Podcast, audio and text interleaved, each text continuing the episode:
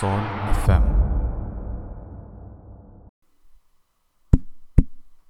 Taigi, taigi, testuojam. O, viskas atrodo veikia. Puiku. Sveiki sugrįžę. To atliksiu vėl, kaip visada, firminį nusikaltimą. Nusimsiu ausinės, kadangi jos yra išties nepatogu. Nežinau, kaip kitos radijos stotis labai mėgsta galbūt savęs klausyti arba, arba nežinau, mėgsta klausyti muzikos, kol šnekasi. Man tai iš ties yra nepatogu. Atrodo labai išneria, sakykime, iš, iš viso to, kas vyksta. Tai aš, aš dažniausiai nusiemu ausinės, bent jau man tai patogiau. Kaip ir minėjau, labai atrodo keista, kai stebiu, kaip kiti studijoje mėgsta ausinėm. Atrodo deklamuotas įlūtės. E, taigi, aš jums vis dėlto šiandien nedeklamuosiu. E, šiandien kalbėsim įdomiom temom. E, kalbėsiu apie piratus. Nežinau, ar prisimenat ar ne, visai ne per seniausiai buvo kartojamas uh, žinių. Jis tikriausiai kalbėjo apie, apie piratus tiem, kas, tiem, kas klausysis šitos, šitos programos, tai yra šviečiamosios ir kultūrinės šios programos, vienos iš mano mėgstamiausių programų vėja. Tiem, kas jos klausysis šeštadienį arba pirmadienį, tai įspėju, jūs klausotės, klausotės kartojimo, kadangi kartojimai dabar yra daromi porą kartų. Kai kurie žmonės to paprašė, atrodo, kai kuriems tai yra labiau aktualu galbūt išgirsti vieną, vieną kartą savaitgalį ir vieną kartą galbūt darbo dieną. Tuo tarpu, jeigu klausotės dabar, penktadienį, tai sveikinu jūs klausotės visko tiesiogiai ir prie to paties uždėsiu galbūt foną, kad neatrodytų taip nejauku, kai aš čia šneku su savim, pa, ga, gal palyginus garsiai. Tai luktelkit, kad... Va, dabar atrodys patogiau. Taigi, Kaip jums sekas? Skritai, gal pradėkime nuo to. E, iš tiesų galvau gal pradėti, e, pradėti iš karto ne apie piratus ar apie piratą, kaip tiksliau, o pabandysiu viską įžengti, įžengti link tos temos prieš tai pakalbėjęs apie, apie kelis klausimus, tiksliau, į kelis klausimus atsakant, e, kelis klausytojus, sakykim, klausimus, kaip žinia, aš tą darydavau galbūt praėjusią savaitę, už praeitą savaitę, na, aš tą darydavau dažniau. Dabar tą vis darau rečiau ir rečiau, bet kaip jums sekas, apskritai, kaip jums darbai, kaip jums gyvenimas. Nežinau, kai kurie skundžiasi tuom, kai kuriem, kai kuriem vis dėlto e, radau žmonių, kuriem vis dėlto yra gerai, sakykime, kai kuriems sekas gerai. Tai čia, jeigu tie žmonės klausosi šio, šio, šio dalyko, tai čia, čia jiems tik pranešimas, džiaugiuosi, kad jiems sekas gerai. E, tuo tarpu užjaučiu tuos, kuriems sekas blogai. Ir džiaugiuosi už tuos, kurie turi gerą darbą. Ir vėlgi užjaučiu tuos, kurie turi bla, blogą, prastą darbą. Tai gerai, užtenka apie tos darbus, užtenka čia apie mane, užtenka čia apie, apie kitus dalykus, sakykime, neįdomius. Pradėkime nuo klausimų. Taigi, pirmas iš klausimų yra realiai susijęs, vėlgi techninis toks gan klausimas, tai kokiu buvo pataisimų padaryta stotyje, kodėl keičiasi laidų kartojimai ir kokie bus grojaraščiai. Tai vėlgi atsakant iš šitą vieną klausimą, tai yra jis išdalintas į kelis klausimus, tai pabandysiu kuo paprasčiau atsakyti.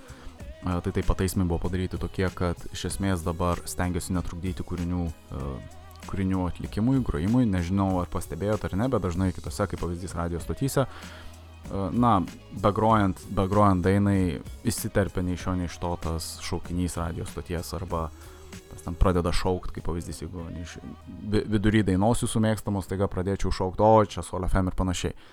Mes to atsisakėme, mes bandysim tą padaryti šiek tiek kitaip, tai mes tengiamės, mes sudėliojom, sudėliojom viską suprogramavom, sakykim taip, kad uh, muzika pirmą sugrotų pilna apimtim, tai yra nuo pat pradžių iki galo ir tik pačiam gale išsigirstų tas šaukinys, jisai nesikartoja dažniau kaip kas 40 minučių maksimum. Ir toks būtų galbūt esminis pakeitimas čia radijos stoties. Tai čia tas būtent šaukinys ir jo kartotinumas. Tai yra nedažniau kaip kas 40 minučių ir niekada kūrinio vidury tas negali įvykti. Tai turi vykti tik tais po, po dainos sudainavimo, gal taip pasakykim paprastai. Ja, tai tik sugrojus kūrinį jūs išgirsit šaukinį radio stoties, kitaip ne. Stengiamės to, tokią filosofiją palaikyti. Tai ką tai lemia, tai vėlgi matot, neįmanoma apskaičiuoti taip tiksliai sekundžių, kad kaip pavyzdys lygiai 11 val. kažkas įvyks.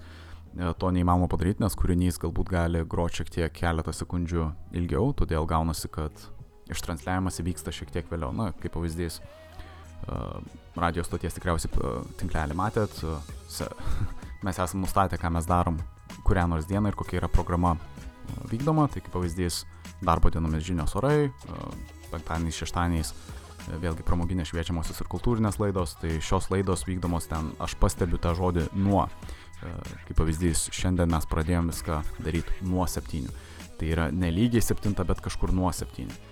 Taip yra todėl, kad mes stengiamės, kad kūriniai vėlgi būtų išgroti iki galo.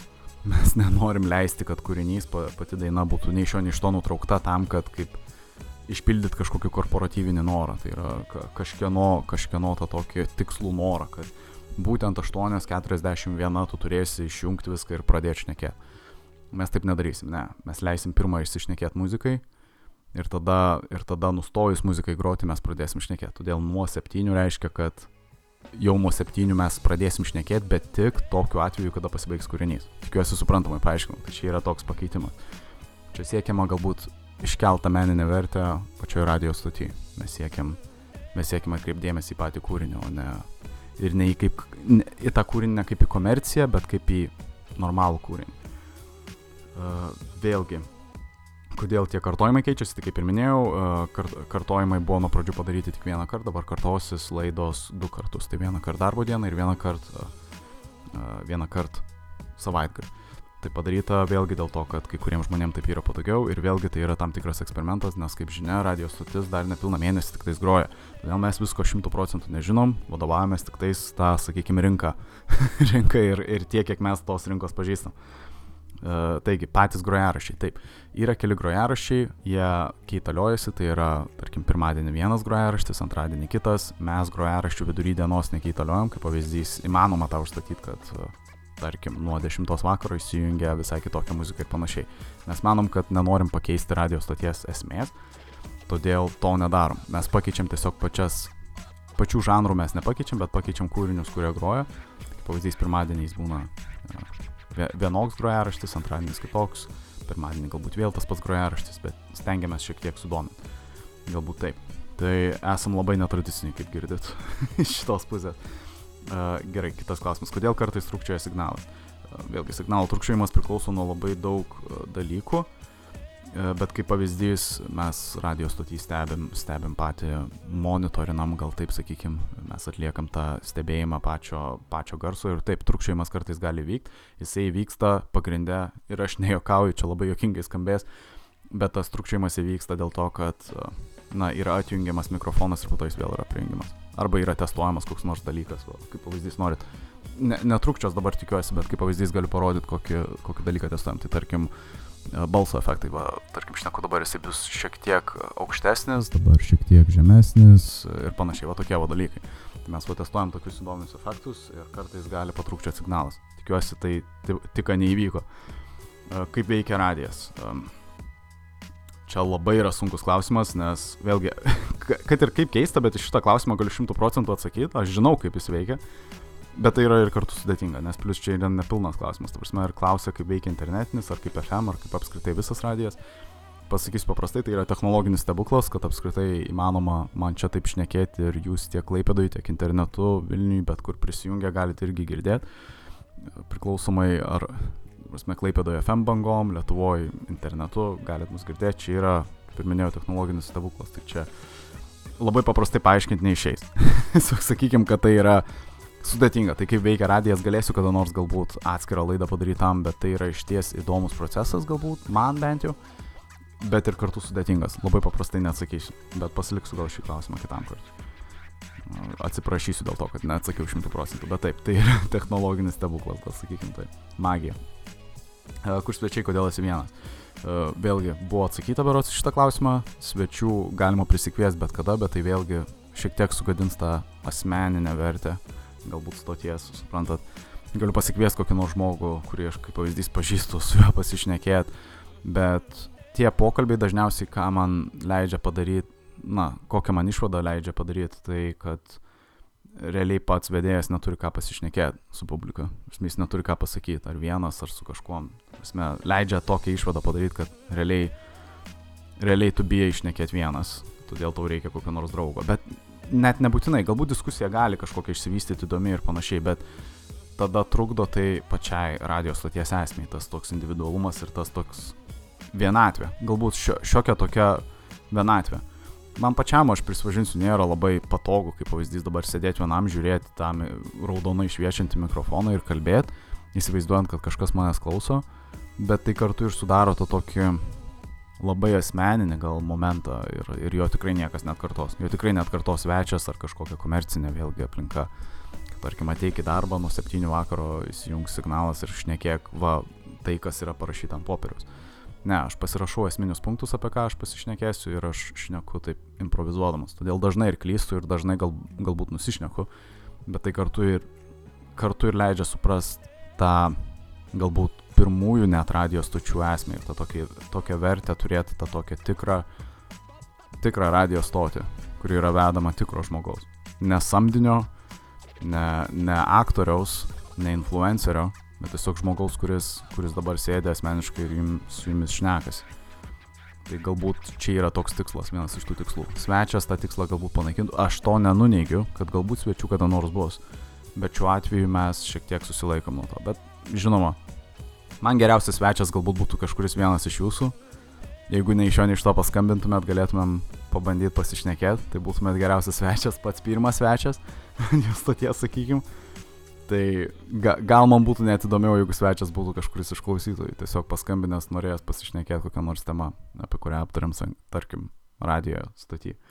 Kaip pavyzdys šiandien galėtumėt paskambinti, pasišnekėti apie piratus, galėtumėm sudominti kiekvieną. Taigi, um, te, tęsiant dabar dėl, a, dėl svečių dar ką norėjau pabrėžti, tai aš nelabai noriu galbūt apskritai, jūs, kas yra turima omeny su tais svečiais, tai dažniausiai žmonės nori kažką populiaraus, tai kažkokį, sakykime, muzikantą pasikviesti ar kažką, kuris pa, realiai pareklamuos tiesiog savo muziką arba savo produktą kokį nors išeis, tai suprantat, tai vėlgi yra labai komercija ir kvepia to tokiu, na, netikrumu. Labai sunku tą paaiškinti labai paprastai, bet tiesiog kai kurie iš svečių yra iš, iš viso net, net negalvojom apie jų atvykimą apskritai. Kol kas turėsit susitaikyti su manim, gal taip sakykime paprastai. Uh, taigi, tęsiant, tęsiant šiek tiek toliau, yra keli, keli dar klausimai likę ir pažadu sugrįšim prie piratų, tiksliau apskritai pradėsim apie piratus. Tai apie dainos pavadinimus, kaip juos rasti ir kaip išsiaiškinti, kas groja. Vėlgi, kaip žinia, mes kalbėjome apie pačią technologiją, radio stotį RDS, tą vadinamąjį radio data System neveikia, kadangi jos mes paprasčiausiai neturim. Iš esmės, čia, čia ilga istorija, bet esmė yra paprasta, jeigu jūs klausotės mūsų FM bangomis, jūs žiūrite, sakykime, savo dabar ekraniuko radio, jūs tikriausiai matote tik Sol FM užrašą. Ir dažnio, sakykime, skaičių, tai 93,3 internetu to dalyko kaip ir nėra, tai čia, čia kalba eina dabar tik apie FM radiją. Tai taip dainos pavadinimas nesimato ekraniukose, nes ta technologija kol kas neveikia. Dabar kaip patikrint, pa, patikrint kokią dainą groja, tai yra labai nema, nemažas kiekis skirtingų būdų, bet prireiks interneto, įspėju, todėl žmonėm. Tai vienas iš būdų yra tiesiog Shazam vadinamoji programėlė per, per telefoną, tiesiog pasižiūrėt, iš karto išsiaiškinat, kas groja. Kitas variantas yra paprasčiausiai nueikite į mūsų puslapį solfm.lt, yra atskiras kiltis, kas dabar groja ir pasižiūrėt vėlgi tie, kas labai yra išmanus, sakykime, žmonės, tai jie gali apskritai radijos stoties grojaraštį atsisiųsti vos ne kaip ir, na čia, čia labai ilga istorija, bet galite atsisiųsti patį grojaraštį į, uh, į pačią stotis, ta prasme nestoti, aš turiu omeny į patį telefoną ir galų gale, luktelkit, atrodo, atrodo gavau dar vieną klausimą. Ar fiziškai kalbame iš Klaipėdos? Mm. Taigi, uh, Vardo, vardo pavardės atleiskite, negaliu sakyti, kas čia tik uždavė šitą klausimą, bet kad atsakant paprastai, ne, fiziškai aš nekalbu iš Klaipėdos. Čia kad prajuokint visus, tai aš esu iš Kauno, bet esu Vilniuje ir grojame Klaipėdai. Tai taip, mūsų įranga yra sudėta, sudėta Klaipėdai. Tiem, kam yra įdomu šiaip pati radio stočių veikla, tai mūsų įranga yra sudėta ant didžiulė vėlgi padėka Klaipėdos energijos bokšto. Tai vieno iš bokštų. Tai Klaipados energijos bokštas yra, vie, sakykim, tas sergėtojas mūsų antenos. Tai čia taip tiem, kam yra įdomu tai išgirsti. Uh, tai taip, iš esmės mes Klaipadoje fiziškai nekalbam, mes fiziškai kalbam iš Vilniaus, kaip ir minėjau, tai yra stebuklas, nes čia yra įtakojama labai daug technologijų. Tikiuosi atsakiau į klausimą, nuostabus klausimas, ačiū. Uh, iki to laiko, kad pratest. Dėl dainos pavadinimų liktais jau atsakiau, uh, patogiausias būdas tai yra internetu pasižiūrėti mūsų puslapyje. Dabar kitas klausimas yra, ar galima užsakyti dainą. Matot, tai nėra labai teisėta iš, iš, iš kitos pusės, tai ne. Šiuo atveju užsakyti dainos negalima, bet pasiūlyt dainą taip visada galit pasiūlyti, bet iškart įspėsiu, jeigu ta daina, kaip pavyzdys, labai nesutampa su radio stoties filosofija, tai kaip pavyzdys, nežinau, jeigu aš tą dainą esu labai dažnai girdėjęs kitose radio stotyse, tai aš tikriausiai jos nepaleisiu čia. Gal taip tiesiog paprastai tariant, nepykit ant manęs, bet jeigu, jeigu aš tą dainą, jeigu ta daina yra išties labai populiari, jinai pastoviai transliuojasi kitose radio stotyse, jo, jos negirdėsit čia. Tai čia toks atsiprašymas iš anksto, bet ne, pasiūlyt dainą, kad galbūt paklausyt, pasižiūrėti, ar į groją raštį kelt, visada galit, visada galima, tą darykit, nežinau, elektroniniu paštu, per Facebooką, kaip norit, galit man parašyti. Užsakyt, ne, mes tokių paslaugų neteikiam ir tai nėra visai legalu. Uh, taigi, kitas dalykas - skambučiai, žinutės ir kaip tą padaryti. Vėlgi, viską galit padaryti pas mus internetu, dar kartą primenu solfm.lt, tiek parašyti žinutę, žinutę siūlau rašyti ne SMS-us ar elektroniniu paštu, ką galit vis dėlto daryti, bet siūlyčiau daryti ne taip, bet parašyti per Facebooką. Tai labai paprastas būdas, tai tiesiog messengeris. Mūsų susirandat, SolFM, radio stotis SolFM, taip vadinamės, tiesiog spustelit, greitai parašot, pilna žmonių jau tą naudojasi, tą daro, viskas puiku, viskas lengva ir viskas paprasta. E, Ta vėlgi, kaip ir minėjau, galite padaryti iš mūsų puslapio, taip pat lygiai, realiai lygiai tokiu pat principu veikia ir skambučiai. Tai kaip kaip pavyzdys galit paspaus dabar ir pabandyt mums paskambinti. Nepažadu, kad atsiliepsiu, nes esu labai jautrus, sakykime, žmogus, bet galim pabandyti, kad ir šiandien susiskambinti, nežinau, jeigu pavyks, jeigu pavyks, bet būtų įdomu iš tikrųjų su kažkurio iš jūsų pasišnekėti, bet, na, čia tokia yra esmė. Ne esmė, čia toks lyrinis nukrypimas. Tai taip, skambučiai veikia, galit paskambinti, bet kada dar kol kas tokio gyvo pokalbio, sakykime, su žmonėm neturėjom, bet paskambinti visada yra įmanoma. Ir kaip ir minėjau, mūsų puslapyje tiesiog paspaudus vieną tokį mygtuką galite iš karto pult skambinti. Ar atsiliepsim iš karto, vėlgi tikrai nepažadu, jo labiau jeigu dabar vesiu, vesiu laidą, tai vidury jos tikriausiai, tikriausiai neatsiliepsiu, atleiskit. Bet kągi, tęsim, kaip ir, kaip ir užbaigiau su klausimais, didelis ačiū ir tiem, kurie, kurie parašė, sakykime, klausimą ir bešnekant man.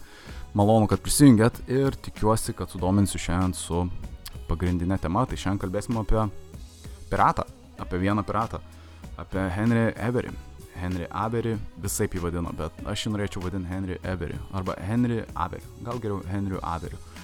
Apskritai žmonės, ką jūs galvojate apie piratavimą? Čia gal pirmas klausimas, kas tai, kas tai jums yra, ar jūs girdėjote apie tai apskritai, bet tikėtina, kad mūsų, mūsų valstybėje piratavimas dažniausiai yra suprantamas kaip na, vagimas kažkieno ir ne, ne kažkieno, bet tos skaitmeninės medijos, tos skaitmeninės multimedijos. Tai e, čia, čia nėra kažkoks mitas, čia tikriausiai niekino nenustebinsiu, bet Lietuva yra iš ties, e, na, toks kaip ir piratų, galbūt kraštas, sakykim, taip ūkiškai. Lietuvoje yra, Lietuvoje yra mėgstama galbūt, Lietuvoje apskritai gal tauta tokia yra, kuri mėgsta, na, siūstis daug internetu, nemokamai ir mokamai. Uh, Taip, čia dažniausiai, jeigu kažko pasiklausi dabar paprasto piliečiaus gatvėje, kas yra piratavimas, jis dažniausiai paminės būtent tą piratavimą internetu, tai yra tą skaitmeninį piratavimą, tai yra nelegalų atsisiuntimo multimedijos, filmų, muzikos, ko tik nori. Tai taip piratavimas egzistuoja ir šiandien skaitmeninė forma, bet ir jūrinė forma, sakykime, ta fizinė forma. Taip piratai vis dar egzistuoja, kaip pavyzdys Somali.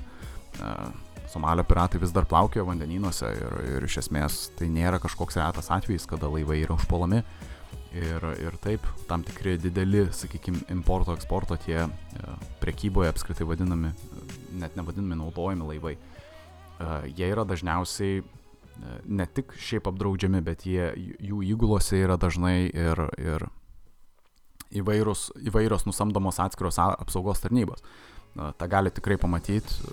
Žinoma, aš nesakau, kad turėtumėt prisartinti prie pačio laivo ir tą pamatyti, bet taip, jūrų įstatymai yra gan griežti ir dažniausiai, jeigu jūs pabandysit prisartinti prie tokio laivo, kuris yra, na, sakykime, labai apkrautas įvairiais kroviniais ir galbūt net brangiais kroviniais, tikėtina, kad jūs pirmą šalso po to klaus klausimų. Jo labiau, jeigu jūs neprisistatę bandysit tą padaryti. Nes vėlgi matot, tie, tie kroviniai nėra saugomi šiaip savo, jie yra saugomi nuo tų pačių piratų, kurie veikia net šiandien. Žinau, kad civilizuotai mūsų valstybei tai retai yra girdima, bet taip, piratai egzistuoja ir jūrose vis dar.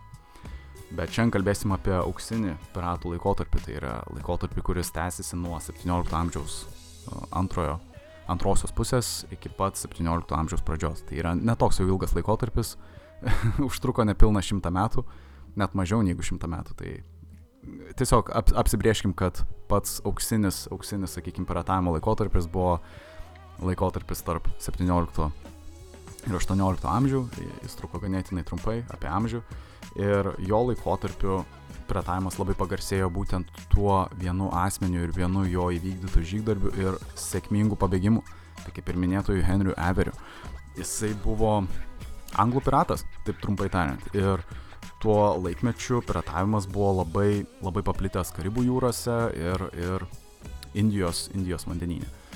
E, tai kaip pavyzdys, aišku, kiekvienam žmogui piratavimas dabar karibų, karibų piratavimas iškart skamba kaip karibų piratai. Ir ne, šį kartą aš jums nekalbėsiu apie filmus, aš jums kalbėsiu apie tikrą istoriją, kaip iš tikrųjų buvo.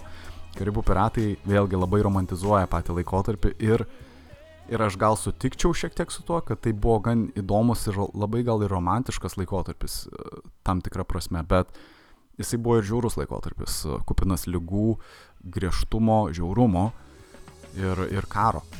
Ir apskritai tai buvo, tai buvo gal ir bauginantis, bauginantis, bet ir kartu suartinantis laikotarpis, manyčiau. Vėlgi praėjusią, praėjusią laidą buvom aptarę, aptarę panašių laikotarpių. Kitą įvykį įvykusi, sakykime apie Ronoko koloniją. Na, jį vėlgi buvo panašių laikotarpių, vis, visas įvykis vyko, sakykime, tai čia šiek tiek jau vėliau vykęs įvykis, bet pati romantizacija to amžiaus išlieka. Uh, tai kaip ir minėjau, dabar apsistokim apie, apie piratus šiek tiek, tai e, dažnai daug kas juokiasi, tu prasme, kalba, kalba kad, tu prasme, čia piratai, tai čia tie, tie patys kaip karibų piratai. Tai aš, aš ką pabandy, pa, pabandysiu žmonėm e, galbūt atvesti tą tokią idėją ir tikiuosi jūs įsileisit tą idėją, kad piratai jie nebuvo tokie, kaip vaizduojami, sakykime, karibų piratai, tie, tie tokie, sakykime, jogdariai galbūt, tie tokie komiški herojai gal net ir panašiai. Jie buvo Jie buvo, priva, jie, jie buvo privatininkai, tie vadinamieji. Jie buvo žmonės, kurie turėjo laivus, jie buvo dažniausiai apmokyti kariauti ir jie būdavo dažniausiai net ir uh, karalienės, toks kaip ir uh, karalienės atsarga, ta vadinamoji. Bent jau Anglijoje, iš Anglijos kilę piratai, tai jie būdavo visų pirma privatininkai. Tai yra žmonės, kurie turėjo privačiai, e, privačiai turėjo, sakykime, laivus, kurie buvo labai stipriai apginkluoti, turėjo rimtą įgulą ir jie, ir jie dažniausiai tiesiog pasuko, pasuko savo ginklus atgal į karalienę, gal taip sakykime. Nes dažniausiai karalienė naudodavosi savo armiją, savo laivyną, savo tą vadinamąjį karališką laivyną, jie jį papildydavo tuo laikotarpiu, bent jau 17 amžiui. Ir sakau karalienė, bet buvo ir karalius. tai tiek karalius, tiek karalienė, jie papildydavo savo, savo armijas e, savo armijas ir tais privatininkais. Tai esant ka, kariniu laikotarpiu, kas buvo labai dažnai ir buvo realiai visi tie laikotarpiai, visas tas laikotarpis buvo karo laikotarpis tokiais laikotarpiais e, pati karūna, pati Anglijos karūna turėdavo teisę, turėdavo teisę tiesiog sukviesti tuos privatininkus, kad jie padėtų ginti savo šalį.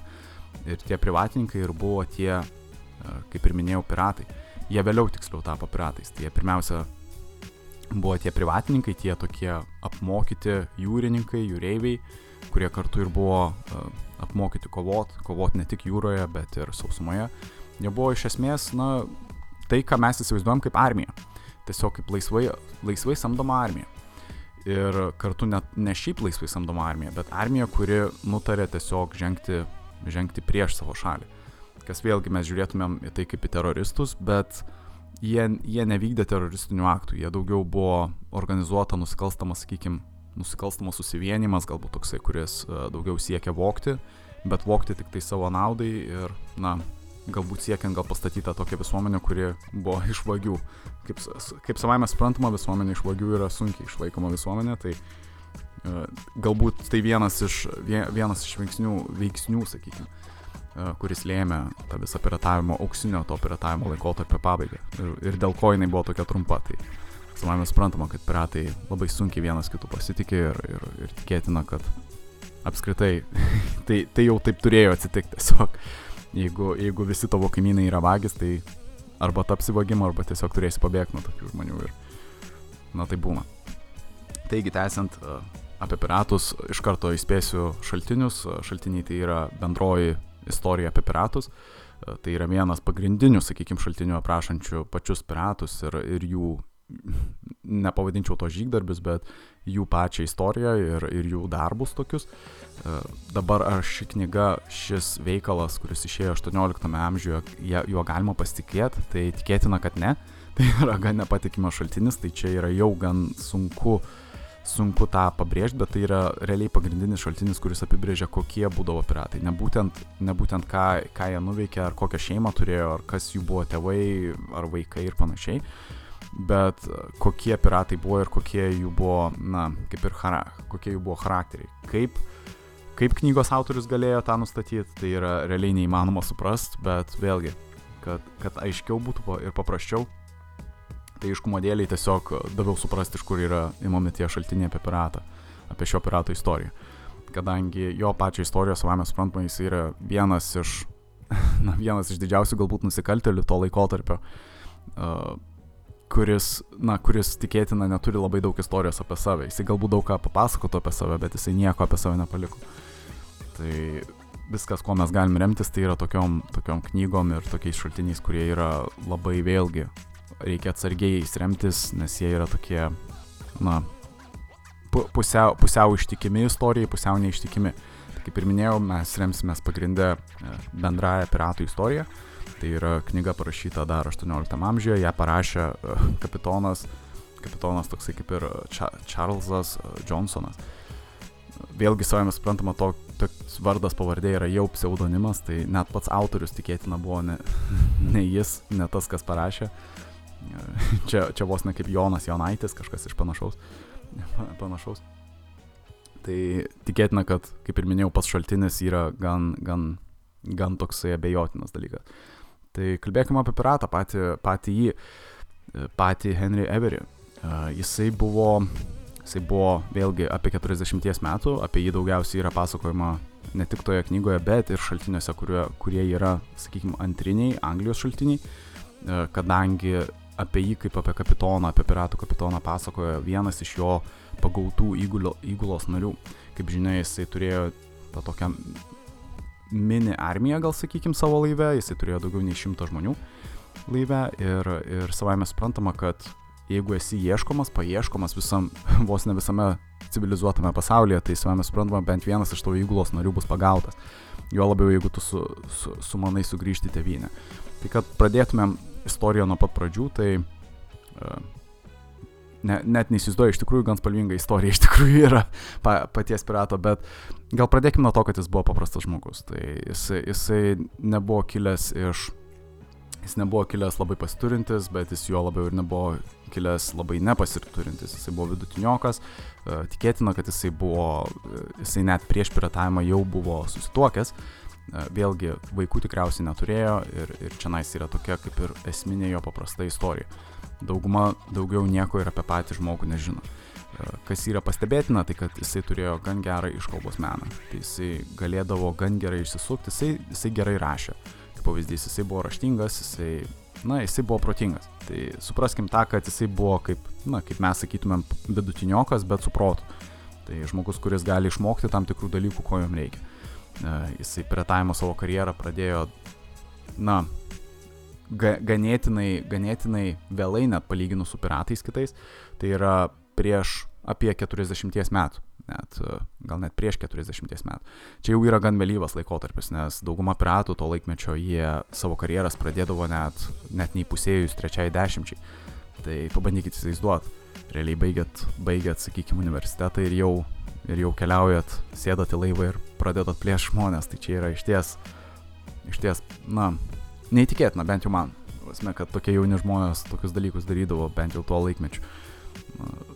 Ar tai yra blogai, ar tai yra gerai, aš nuo to susilaikysiu, bet man pati ta istorija, tas pats suvokimas, kad tokie jauni žmonės tokius dalykus darydavo, yra, na, iš ties neįtikėtina, nes kartais atrodo, sutinki, kad ir 40 metų žmogų, bet, na, tu neįsivaizduotum, kad jis galėtų kažką panašaus padaryti. Iš karto galvoji, kad jis, nu, gal per didelis bailys, nežinau kaip kitaip pavadinti, bet tiesiog toks jausmas susidaro, kad žmonės to laikmečio jie buvo labiau na, labiau gal drąsus. Jie turėdavo vis tiek kažkokį, turėjo simbolizuoti kažkokią drąsą ir iš, ir iš to ir išnyra dar ir ta, na, rom, romantiška ta epocha, dėl ko aš ir vadinu tai labai romantiško epizodo istorijai. Tie žmonės buvo drąsūs, jie, jie nepažintus vandenynus pastoviai jais, jais plaukdavo. prasme, žemynas tiek Šiaurės, tiek Pietų Amerikos. Visiškai nepažintas pasaulis, naujos idėjos, nu, ta prasme, mes jau nebegyvensim tokiu laikotarpiu, kuriame mes galim girtis, kad mes, uh, sakykime, atradom kokią nors naują salą ar kažką naujo. Bet jie gyveno to laikotarpiu, jie, jie turėjo tą tokią istoriją. Aišku, mūsų istorija bus kitokia, mes gal pasižymėsim kažkom kitu, bet ką aš noriu pasakyti, kad kiekvienas tas laikotarpis turėjo savo tą romantinį periodą ir, ir, ir tas periodas būtent buvo piratų tas toks išties, gal sakyčiau, romantiškas, tas toks Robin Hoodiškas gal net, pabėgimai tie, tie iš, pabėgimai iš visko, sakykime, nuo, nuo tos, ta tokia tikroji laisvė, gal sakykime, jūroje. Uh, tai vėlgi, tęsiant apie patį piratą, jo karjera galbūt prasidėjo kaip ir laivyboj, uh, tarnavime, jisai tikėtina, kad buvo, uh, tikėtina, kad buvo armijoje, žinoma, kaip ir kiekvienas privatininkas arba norintis būti privatininku, sakykime, asmo, tuo laikotarpiu jie, jie dažniausiai kaip čia pasakius, jie turėdavo atitarnauti. Tas tarnavimas nebūdavo sulyginamas. Negalėčiau jo sulyginti to taip pat kaip su mūsų tarnavimu, bet paprasčiausiai įsivaizduokite tai kaip, kaip praktika laivybai. Tai Henris Everis dar iki to laiko nebuvęs piratų, na jis net nebuvo piratas, net nežinau, nuo kada jisai tapo oficialiai piratų, bet realiai jisai pradėjo tarnauti, tarnauti šiek tiek karal, karalienės, karaliaus, karūnos, sakykime, karūnos tai karališkai apskritai laivybai visai, pradėjo jisai tą savo valstybės tarnybą. Jisai kaip ir iš esmės nepasižymėjo kažkuom labai, labai daug ar kažkuo žygdarbišku, bet jis pasižymėjo ger, gerais įgūdžiais valdant pačią įgulą. Jisai buvo išties geras tas vadinamasis, sakykime, šefas, kažkas panašaus. Jisai nevaldydavo, jisai nebuvo kapitonas, jisai nebuvo atsakingas už visą, sakykime, laivą ir jo, ir jo įgulą, bet jisai būdavo kaip pavaduojantysis asmo, jisai būdavo dažnai dešinioji ranka, Jisai pasižymėjo, kaip, kaip ir minėjau, pa, patikimas asmo. E, dabar kas atsitinka, e, vienu laikotarpiu, ne, netoliese Ispanijos, sakykime, krantų, e, laivas, kuriame buvo Henris Everis ir jo tuometinis kapitonas, tai yra tas kapitonas, su kuriuo Everis plaukia ir, ir na, Everis tarnavo tam laivui, taip sakykime, laivas nu, nutupė vienoje iš salų, atsiprašau, net ne salų, tarsi Ispanijos krantuose. Nu, nuplaukė į Ispanijos krantus. Ir iš esmės, savame suprantama, Ispanija ir Anglija buvo tuo metu kolonizuojančiosios valstybės, jos šiek tiek jausdavo tokią tam tikrą konkurenciją, karo, karo agresiją ir panašiai. Ir esmė ištiko ta, kad staiga paaiškėjo, kad laivo kapitonui nepavyks susimokėti, susimokėti savo įgulai. Savame suprantama, kad įgulai tokie dalykai nepatinka, niekam nepatiktų negauti atlyginimo po kelių mėnesių, sakykime, pla, plaukiojant laivu. laivu su kitais šimtų žmonių. Henris Everis nutarė, nutarė su kitais įgulos nariais uh, užgrobti laivą. Uh, užgrobti laivą ir, na, kaip, kaip čia pasakius, ne, nenoriu pasakyti, kad išmesti, nu, išmesti patį kapitoną, bet tiesiog jį atst, atst, atstatydint, atsistatydint, priversti jį atsistatydint nuo kapitono pareigų. Uh, tai Henriui Everiui tą pavyksta padaryti. Uh, jisai, jisai subūręs įgulą, uh, su, sukurpęs visą įgulą prieš, prieš patį kapitoną, jam pavyksta tą padaryti. Jisai sėkmingai, sėkmingai nuverčia tą da, dabartinę, da, tuo metinę to laivo, sakykime, valdžią. Ir jo, jo ta suburta įgula jį, jį vienasmeniškai išrenka, iš, išrenka naujojų kapitonų ir staiga Henry Severis tapo, tapo kapitonu, jisai tapo piratu, galima sakyti taip nes tuo metu tokie dalykai, tokie veiksmai, sakykime, laivų užgrobimas, išmetimas to kapitono ir, ir panašiai, tai būdavo laikytina kaip ir, kaip ir, na jau pasipriešinimu, kuris jau užtraukdavo tam tikrą atsakomybę ir jau būdavo tokie, laikomi tokie žmonės kaip piratai. Tai Henris Severis tikėtina, kad jau nuo to, nuo to momento tapo piratas. Ką jisai padaro, tai e, pirmiausia jisai nusistato išvykti į Madagaskarą, pasipildyti atsargų. Uh, Vėlgi tai būdavo dažnai lankytina vieta, Madagaskaras, gan egzotiška, bet e, kodėl būtent Madagaskarą, kai jis galėjo kažkur arčiau nuplaukti, tas tiksliai nėra žinoma. Bet čia vėlgi šiek tiek yra samokslo, aš galėsiu apie juos aptarti, čia nais galbūt susiję šiek tiek su jo, su jo pačiu dingimu. Čia gal ne visai samokslai, ne, ne tas turimo menį, bet teorizuojama, dėl ko jis galėjo nuvykti patį Madagaskarą. E, bet vėlgi, ką atkreipsiu dėmesį, tai kad jis nebuvo ilgai piratų. Čia vėlgi dar vienas ypatingas dalykas apie, apie patį, apie patį Henry Every, tai kad jis buvo, jis buvo jau, jis jau pradėjo piratauti, jau būdamas beveik 40 tikėtina, nes matot, jis net, net nėra aišku, kokio jis amžiaus tiksliai buvo. Yra tikėtina, kad jis daugiau mažiau e, vidury 17 amžiaus turėjo gimti. Kada jis mirė irgi nėra aišku. E, ir kokio jis buvo amžiaus irgi nėra aišku, nes viskas, ką apie jį mes žinom, tai yra tik iš tų šaltinių tos bendrosios, bendrosios piratų istorijos, tos minėtosios knygos. E, iš ties nebloga knyga, šiaip siūlau kiekvienam besidominčiam istoriją pasiskaityti šiek tiek bet tas pats šaltinis, kaip ir minėjau, jisai nėra labai patikimas, plus Anglijos archyvais, kurie laiko, kur, kuriuose, kuriuose buvo, na, kuriuose galima pamatyti, kas atsitiko tam tikriem įgulos nariam Henrio Everio ir žinoma pačių įgulos narių liudymai apie jų kapitoną. Tai kiek galima pasikliauti tokiais šaltiniais, čia kiekvieno iš jūsų nuomonė, aš, aš jos nebandysiu pakeisti, bet savame suprantama, kad labai yra sunku nustatyti žmogaus tiek tapatybę, tiek koks jis buvo ir, ir kiek jam net metų buvo apskritai. Nes uh, jisai dar dažnai prisistatydavo kaip Benjaminas, uh, kaip Benjaminas. Tu prasme, Henris Everis dar dažnai prisistatydavo tuo pseudonimu, kas būdavo dar keista, nes um, vėlgi matot, uh, pseudonimų vartojimas, jeigu jisai dažnai vartojama, tai jeigu pakankamai dažnai vartosi savo pseudonimą, dažnai žmonės pradės galvoti, kad tai ir yra tikrasis vardas. Tai tik ne per seniausiai šaltiniai nustapo, e, atsiprašysiu, ne per seniausiai patys šaltiniai nustatė, kad, kad tikėtina, kad jisai buvo Henris Everis, o ne, o ne Benjaminas, tas vadinkim. Be, be, Benjaminas, e, dabar atsiprašysiu, galvoju, kokia jo ta tiksliai pavardė buvo, tas Benjaminas. Uh, Bridgemanas, va, dabar prisiminiau. Benjaminas Bridgemanas.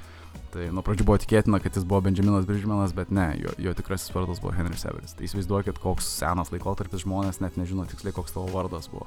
Ir tik todėl, kad tu naudodavai pseudonimą tam tikrais atvejais. Na, bet tai suprantama, piratai, pseudonimai. Ir vėlgi, kas būdavo, kaip minėjau, ypatingai apie jį, ypatinga um, ties jo asmenybė, tai nebuvo tik tas jo sugebėjimas gerai valdyti pačią įgulą ir kalbėti ją, bet kartu ir uh, Kartu ir tas faktas, kad jis pradėjo piratauti būdamas jau beveik 40 tikėtina. Ir prie to paties jisai piratavo tik 2 metus. Dauguma piratų pirataudavo labai ilgą laikotarpį palyginus, na, jie, sakykime, apie, apie 10 metų. Kaip pavyzdys būdavo ta pira, pirato karjera.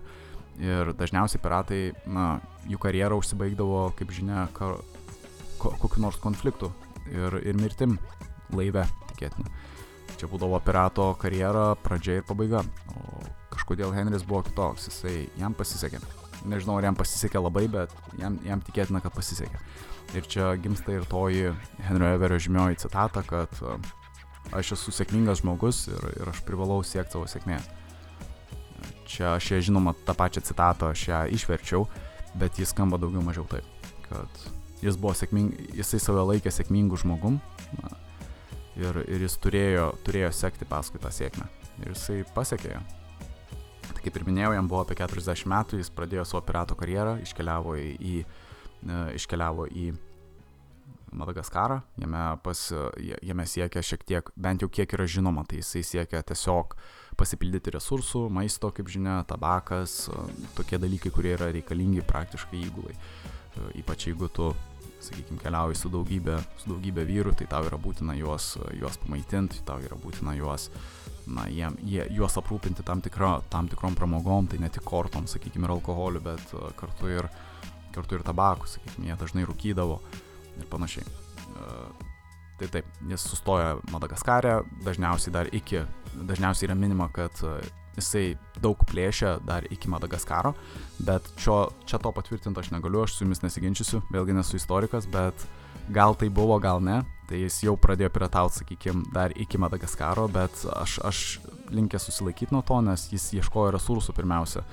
Labai abejotina, ar piratai, ar piratai apskritai, na, jeigu pas tave laive, sakykime, nėra nieko, ar tu ruošies pult kokį nors kitą laivą, kuris, kuris yra apsirūpinęs, na, kovot prieš tave nežinau, na, abejotina. Tai tikėtina, kad jis pradėjo piratauti jau konkrečiai po Madagaskaro, tai yra apsirūpino, apsirūpino visą reikalingą amuniciją, resursais ir jisai pradėjo piratauti. Tai truko apie du metus, jo tas piratavimas buvo išties sėkmingas, kaip žinia, jisai, jisai dar ir išpopuliarino tą pačią, sakykime, vėliavą piratavimo. Nežinau, ar esate girdėję, nežinau, ar esate matę, bet dažniausiai piratavimas tai siejamas su ta vėliava, tai kaukolė ir du kaulai.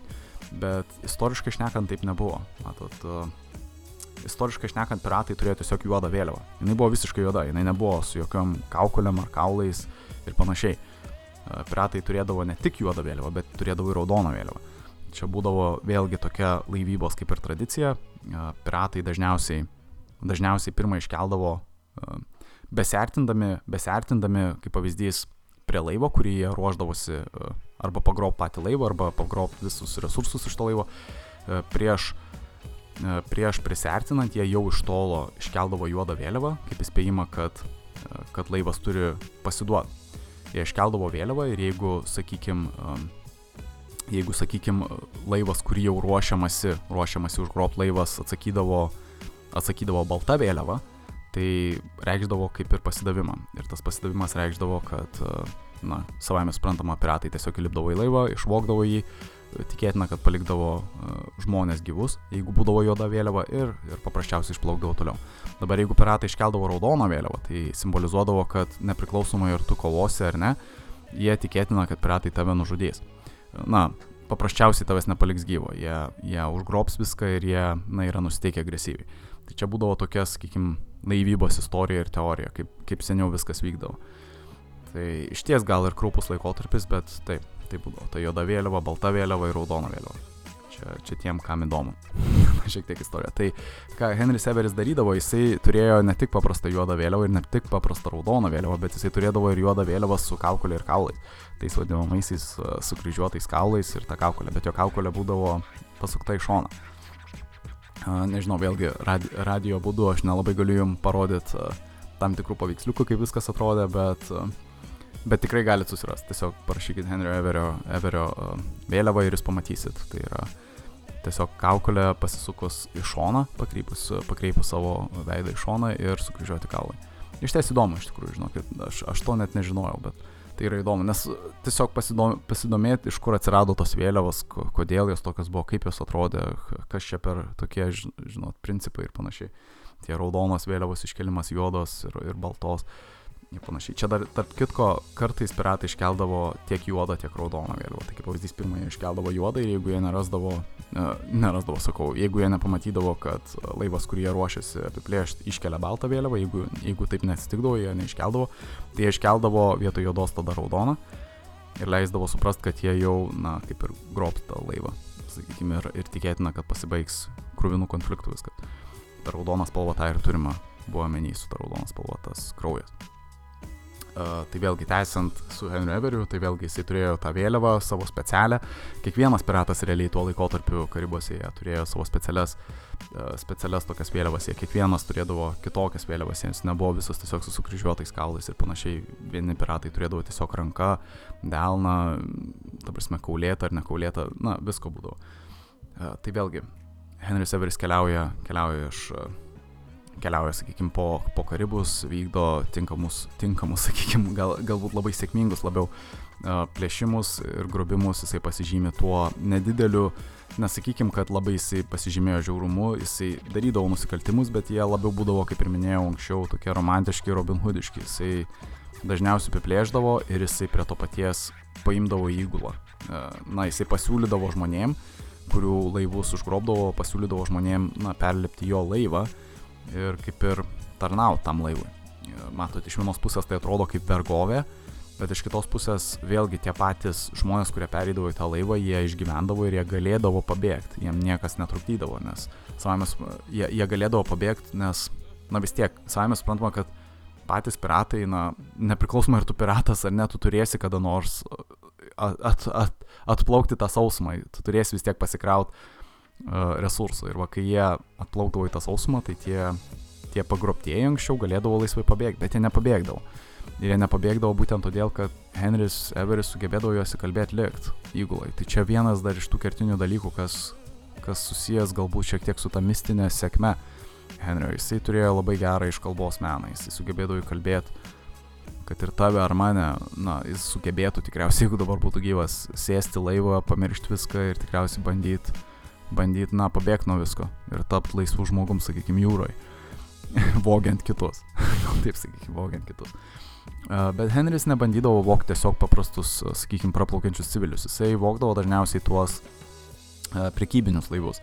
Tai kaip pavyzdys, tuo laikotarpiu, tuo laikotarpiu dažniausiai, dažniausiai tie plaukimo tos linijos, net, net taip gal pasakyti, tos jūreivystės galbūt linijos, tos, tos prekybos, prekybos linijos, konkrečiai kaip jos vykdavo jūromis ties Indija, ties Anglija, dažniausiai vykdavo per tą vadinamoją na, kaip čia pasakius, net iš tikrųjų, iš tikrųjų labai yra sunku paaiškinti, nepasiemus gaublio, mato, kaip viskas vykdavo. Bet įsivaizduokite tiesiog, kad tuo laikotarpiu buvo vykdoma prekyba, ta transatlantinė prekyba, tai yra iš Amerikų būdavo plukdyda, plukdoma atgal į Ispaniją tam tikri turtai kaip tabakas ir, ir, ir sakykime, auksas ir sidabras ir lygiai taip pat iš Indijos, iš kitos pusės. Iš rytų Indijos būdavo plukdomi kiti turtai, tai įvairūs kilimai kaip pavyzdys. Jie būdavo vertinami labai E, ir panašiai. tai tokie turtai ir tokie dalykai buvo dažnai plukdinami iš kitų šalių, tai pagrindė, kaip ir minėjau, iš rytų Indijos ir iš uh, rytų Amerikų, tai šiaurės ir pietų Amerikos žemynų. Tai vėlgi, Everis buvo labai, Henris Everis buvo labai susi, susigundęs pačiais turtais, kurie atkeliaudavo iš rytų Indijos. Jisai girdėjo, kad tuo, tuo metinę uh, Mugalų imperiją, tai apie ją dar šiek tiek papasakosiu, bet jisai, jisai išgirdo, kad Mugalų imperija tikriausiai turės, uh, tikriausiai plukdys vieną didžiausių, apskritai pasaulyje turti, didžiausių turtų ir lobių, kas labai patraukė jo dėmesį ir jisai iš esmės norėjo išbandyti savo jėgas, uh, užgrobent tokį turtą, čia taip paprastai tariant. Bet matot, nėra labai lengva, kaip ir minėjau, net ir šio laikiniai laivai yra labai aprūpinti apsisaugot nuo piratų.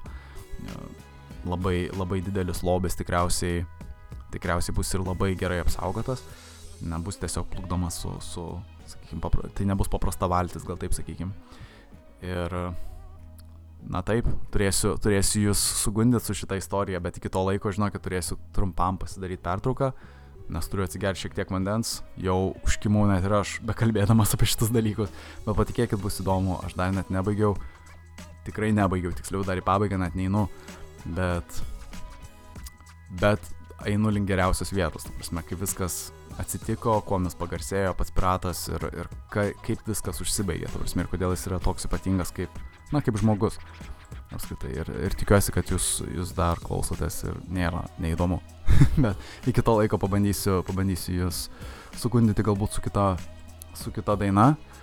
Ir pa, palauksiu jūsų už apie 10 minučių, nepilnų 10, tiksliau daugiau nei 10 minučių atleiskit, kad čia tiek uh, užtruks šiek tiek daugiau nei įprastai, nes taip susidėliojo dainos ir kaip minėjau, aš bandau leisti jums išklausyti visus kūrinius. Tai taip, susitikim už 11-12 minučių. Tuoj grįšim.